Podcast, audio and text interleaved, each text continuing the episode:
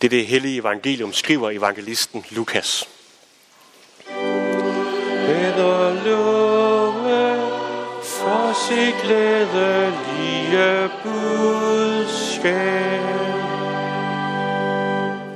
Store skare fulgte med Jesus, og han vendte sig om og sagde til dem, Hvis nogen kommer til mig, og ikke hader sin far og mor, hustru og børn, brødre og søstre, ja sit eget liv, kan han ikke være min disciple. Den der, ikke bærer sit, den, der ikke bærer sit kors og går i mit spor, kan ikke være min disciple. Hvis en af jer vil bygge et tårn, sætter han sig så ikke først ned og beregner udgifterne for at se, om han har råd til at gøre det færdigt. For at han, man ikke skal se ham ligge i en sokkel, uden at kunne fuldføre det, så alle giver sig til at håne ham og sige, den mand begyndte at bygge, men kunne ikke fuldføre det. Eller hvilken konge vil drage i krig mod en anden konge, uden først at have sat sig ned og overvejet, om han med 10.000 mand er stærk nok til at møde ham, der kommer imod ham med 20.000. Hvis ikke, sender han udsendinger for at forhøre sig om fredsbetingelserne, mens den anden endnu er langt borte. Sådan kan ingen af jer være min disciple, uden at give afkald på alt sit eget. Salt er en god ting, men hvis saltet mister sin kraft, hvordan skal det så blive salt igen? Det dur hverken til jord eller gødning, man smider det væk. Den, der har ører at høre med, skal høre. Sådan lyder Herrens ord. Amen.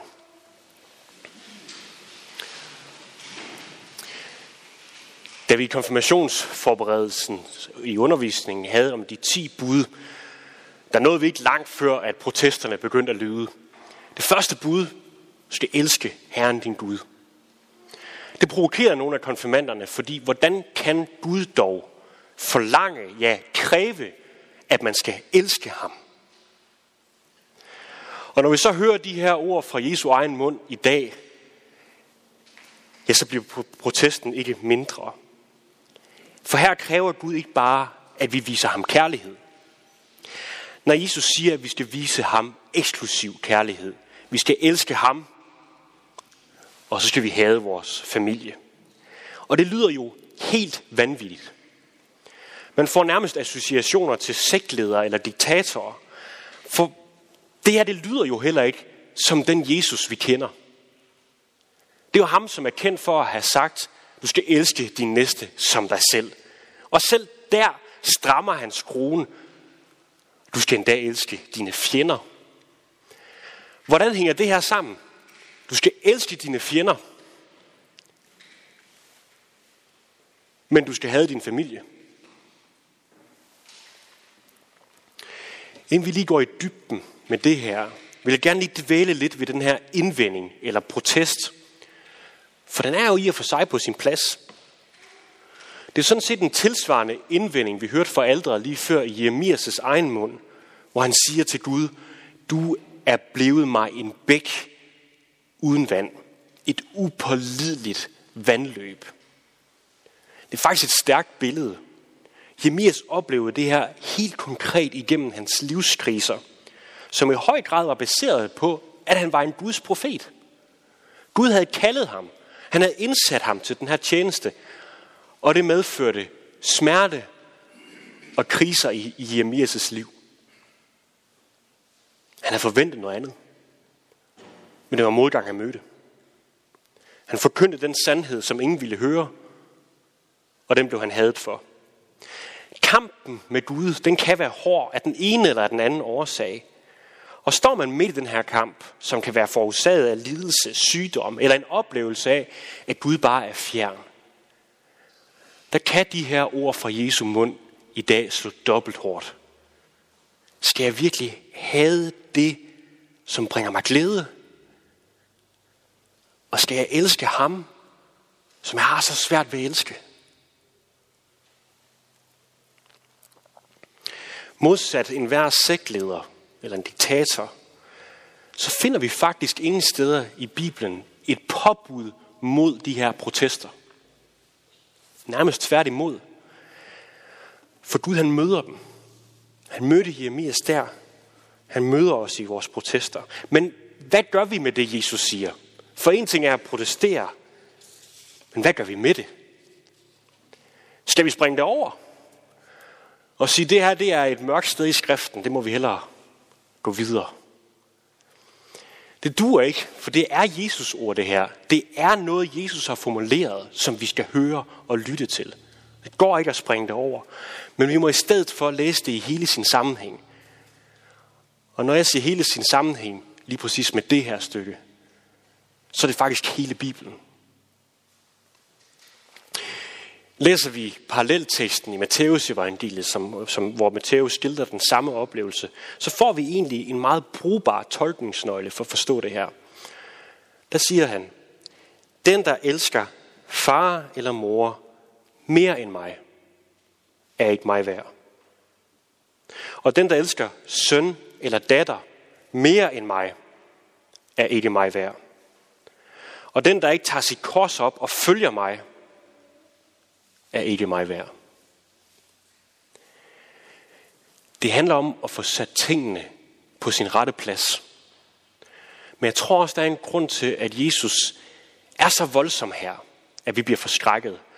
For jeg er faktisk overbevist om, at det er det, der er hans, der er hans hensigt. Han ønsker at forskrække os. Han ønsker, at vi skal stå op, op og tænke over det her. Vil vi? Vil vi følge efter ham? Fordi den store skare, som fulgte efter Jesus på den her tidspunkt, de fulgte ikke efter ham af kærlighed til ham. Det var sensationslyst. De ville gerne se det næste store. Og da nettet så begyndte at stramme sig omkring Jesus, så var de væk. Kan man kalde sådan nogle mennesker for Jesu disciple? Kan man kalde dem for kristne? Det er derfor, han siger, som han gør. I kan ikke følge mig, hvis der er andre ting, der står i vejen. Det lader sig simpelthen ikke gøre at være en kristen, hvis din familie har større værdi, end jeg har for dig. Så på den måde kan man faktisk sige, Jesus stiller ikke et krav op her. I stedet, der skildrer han bare virkeligheden, som den er. Du kan ikke, hvis der er noget, du elsker mere end mig. Hvis du skal være en disciple, så skal du elske Jesus mere end noget andet. Sidste søndag, der handlede det om grådighed. Det handler om, hvordan penge og rigdom kan komme til at føre os ind i en spiral, hvor der ikke er plads til Gud. Og i dag der understreger Jesus så pointen, og han udvider det en dag, og siger, at det er ikke bare grådighed, der kan føre dig væk fra Gud. Din egen familie kan det faktisk også. Men konfirmandernes spørgsmål, de står, den står her sådan set stadig. Hvordan kan Gud, der påstår, at han er kærlighed, kræve, at vi elsker ham? Vi kan måske sammenligne det, eller bruge et billede om ægteskabet. Kunne man forestille sig, at en mand han frier til en kvinde, og kvinden så siger, jeg vil gerne gifte mig, jeg vil gerne gifte mig med dig, men du skal bare lige være med på, at der højst sandsynligt, eller der vil være mennesker, som jeg elsker og sætter mere pris på end dig. Det kan man måske godt, godt møde i dagens Danmark. Men hvis et ægteskab skal være ægte, hvis det skal fungere, så er det nødvendigt, at man inden for ægteskabets rammer sætter den anden højst blandt mennesker. Og det er sådan set det, Jesus også siger her i dag. Sådan set det, det handler om. Man kan ikke bare være kristen er hobby. Det er hele livet. Og på den måde gør han faktisk op med, den her, med kulturkristendommen, fordi det handler om hele livet. Ikke bare noget, men det hele. Men hvorfor skal det være så ekstremt? Hvorfor skal det være så radikalt? Jo, for det Jesus kom for at gøre, det var for at befri os fra syndens og dødens magt. Og det er en magt, der vil have magt over hele os. Hvis vi skal befries for det, så må vi overlade os fuldstændig til Jesus. For efterlader vi bare en lille smule, så er vi under konstant fare for, at syndens herredømme igen skal få magten over os. Men samtidig, så ligger der også det i kærligheden, at det vi elsker mest, det er også det sidste, vi vil give køb på. Det vi elsker mest er det sidste, vi vil give køb på. Islam er sådan set kendt for, eller blandt andet kendt for, at forbyde ægteskab mellem en muslim og en vantro. Og der er faktisk logik i det. Fordi en ægtefælles indflydelse på sit liv er enorm. Og der skal ikke meget til, før at man fravælger sin religion, hvis det er ægtefælden ikke deler den. Og den her tanke er faktisk ikke fremmed i kristendommen. Vi hører dog ikke noget påbud. Men vi hører dog, at Paulus anbefaler, at man ikke gifter sig med en, der ikke tror på Jesus, fordi Jesus så nemt bliver væk i det ægteskab. Der er ofte set, at ens ægtefælle, eller for den sags skyld sine egne børn, kan være årsag til, at man driver væk fra troen, væk fra kirken. Og det er det, Jesus siger. I må ikke give noget så meget magt i jeres liv. I må ikke give nogen eller noget så meget magt i jeres liv. Det er simpelthen for farligt, og det kan lede til fortabelse. Jeg læste en bog på et tidspunkt, hvor forfatteren fortæller om en af sine venner, der gerne vil være kristen. Men lige præcis det her med at skulle elske Gud mere end sin hustru, det kunne han simpelthen ikke forlige sig med.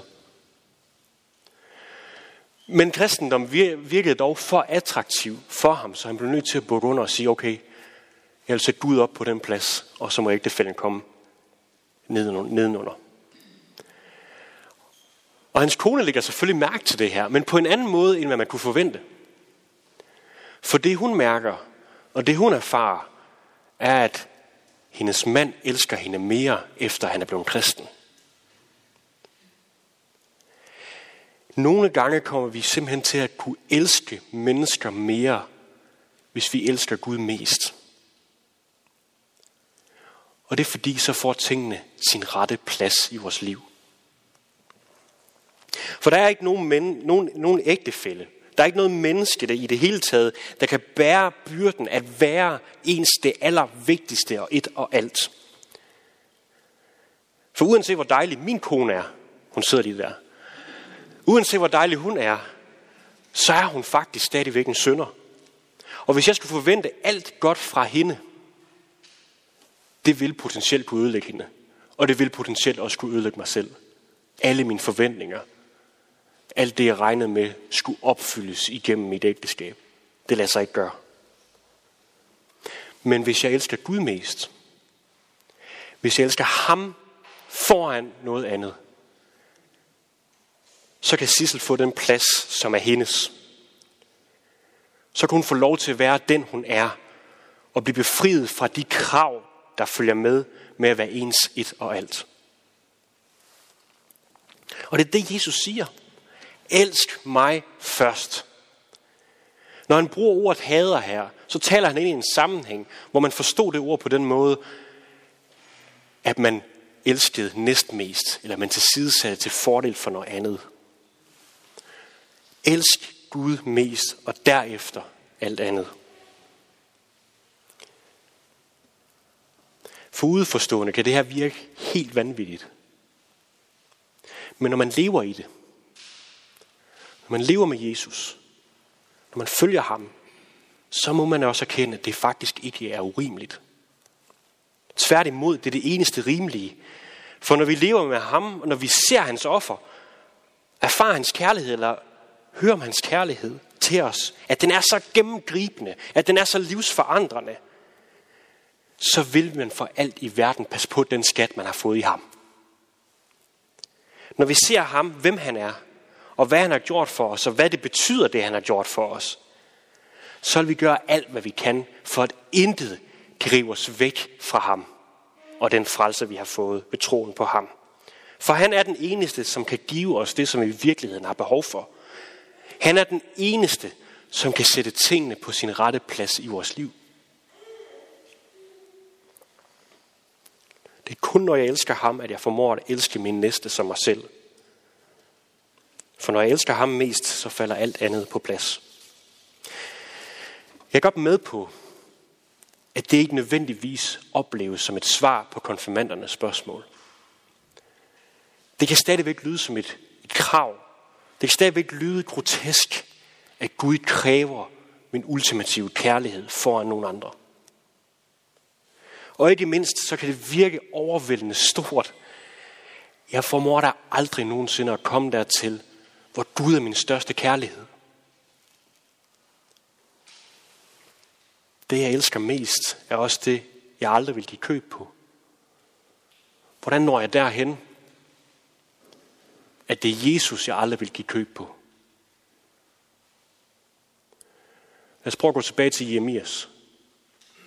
Han stod der i sin krise, i sin lidelse, og protesterede og klagede til Gud. Og Gud svarer ham og siger, hvis du vil vende om, så lader jeg dig vende om. Hvis du vil. Ikke hvis du formår det, men hvis du ønsker det, hvis du vil, så lader Gud dig vende om. Det er Gud, der må skabe det. For nogle gange så har vi ikke mere kærlighed til ham, end blot et ønske om, at vi elsker ham.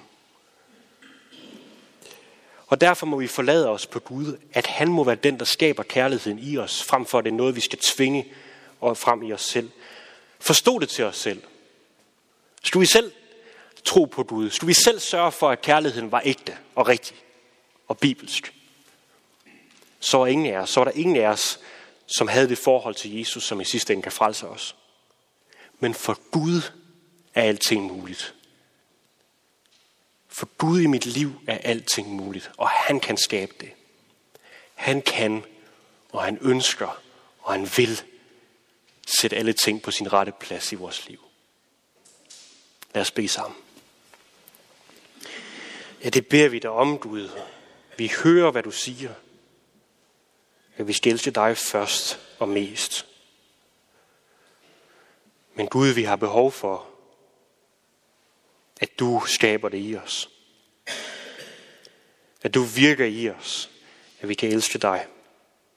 Hold os fast ved, din, ved, ved troen på dig, og før os hele vejen hjem, så vi på den nye jord kan lovprise dig og synge lov, tak og evig ære være dig, vor Gud, Far, Søn og Helligånd. Du som var, er og bliver en sand treenig Gud, højlovet fra første begyndelse, nu og i al evighed. Amen.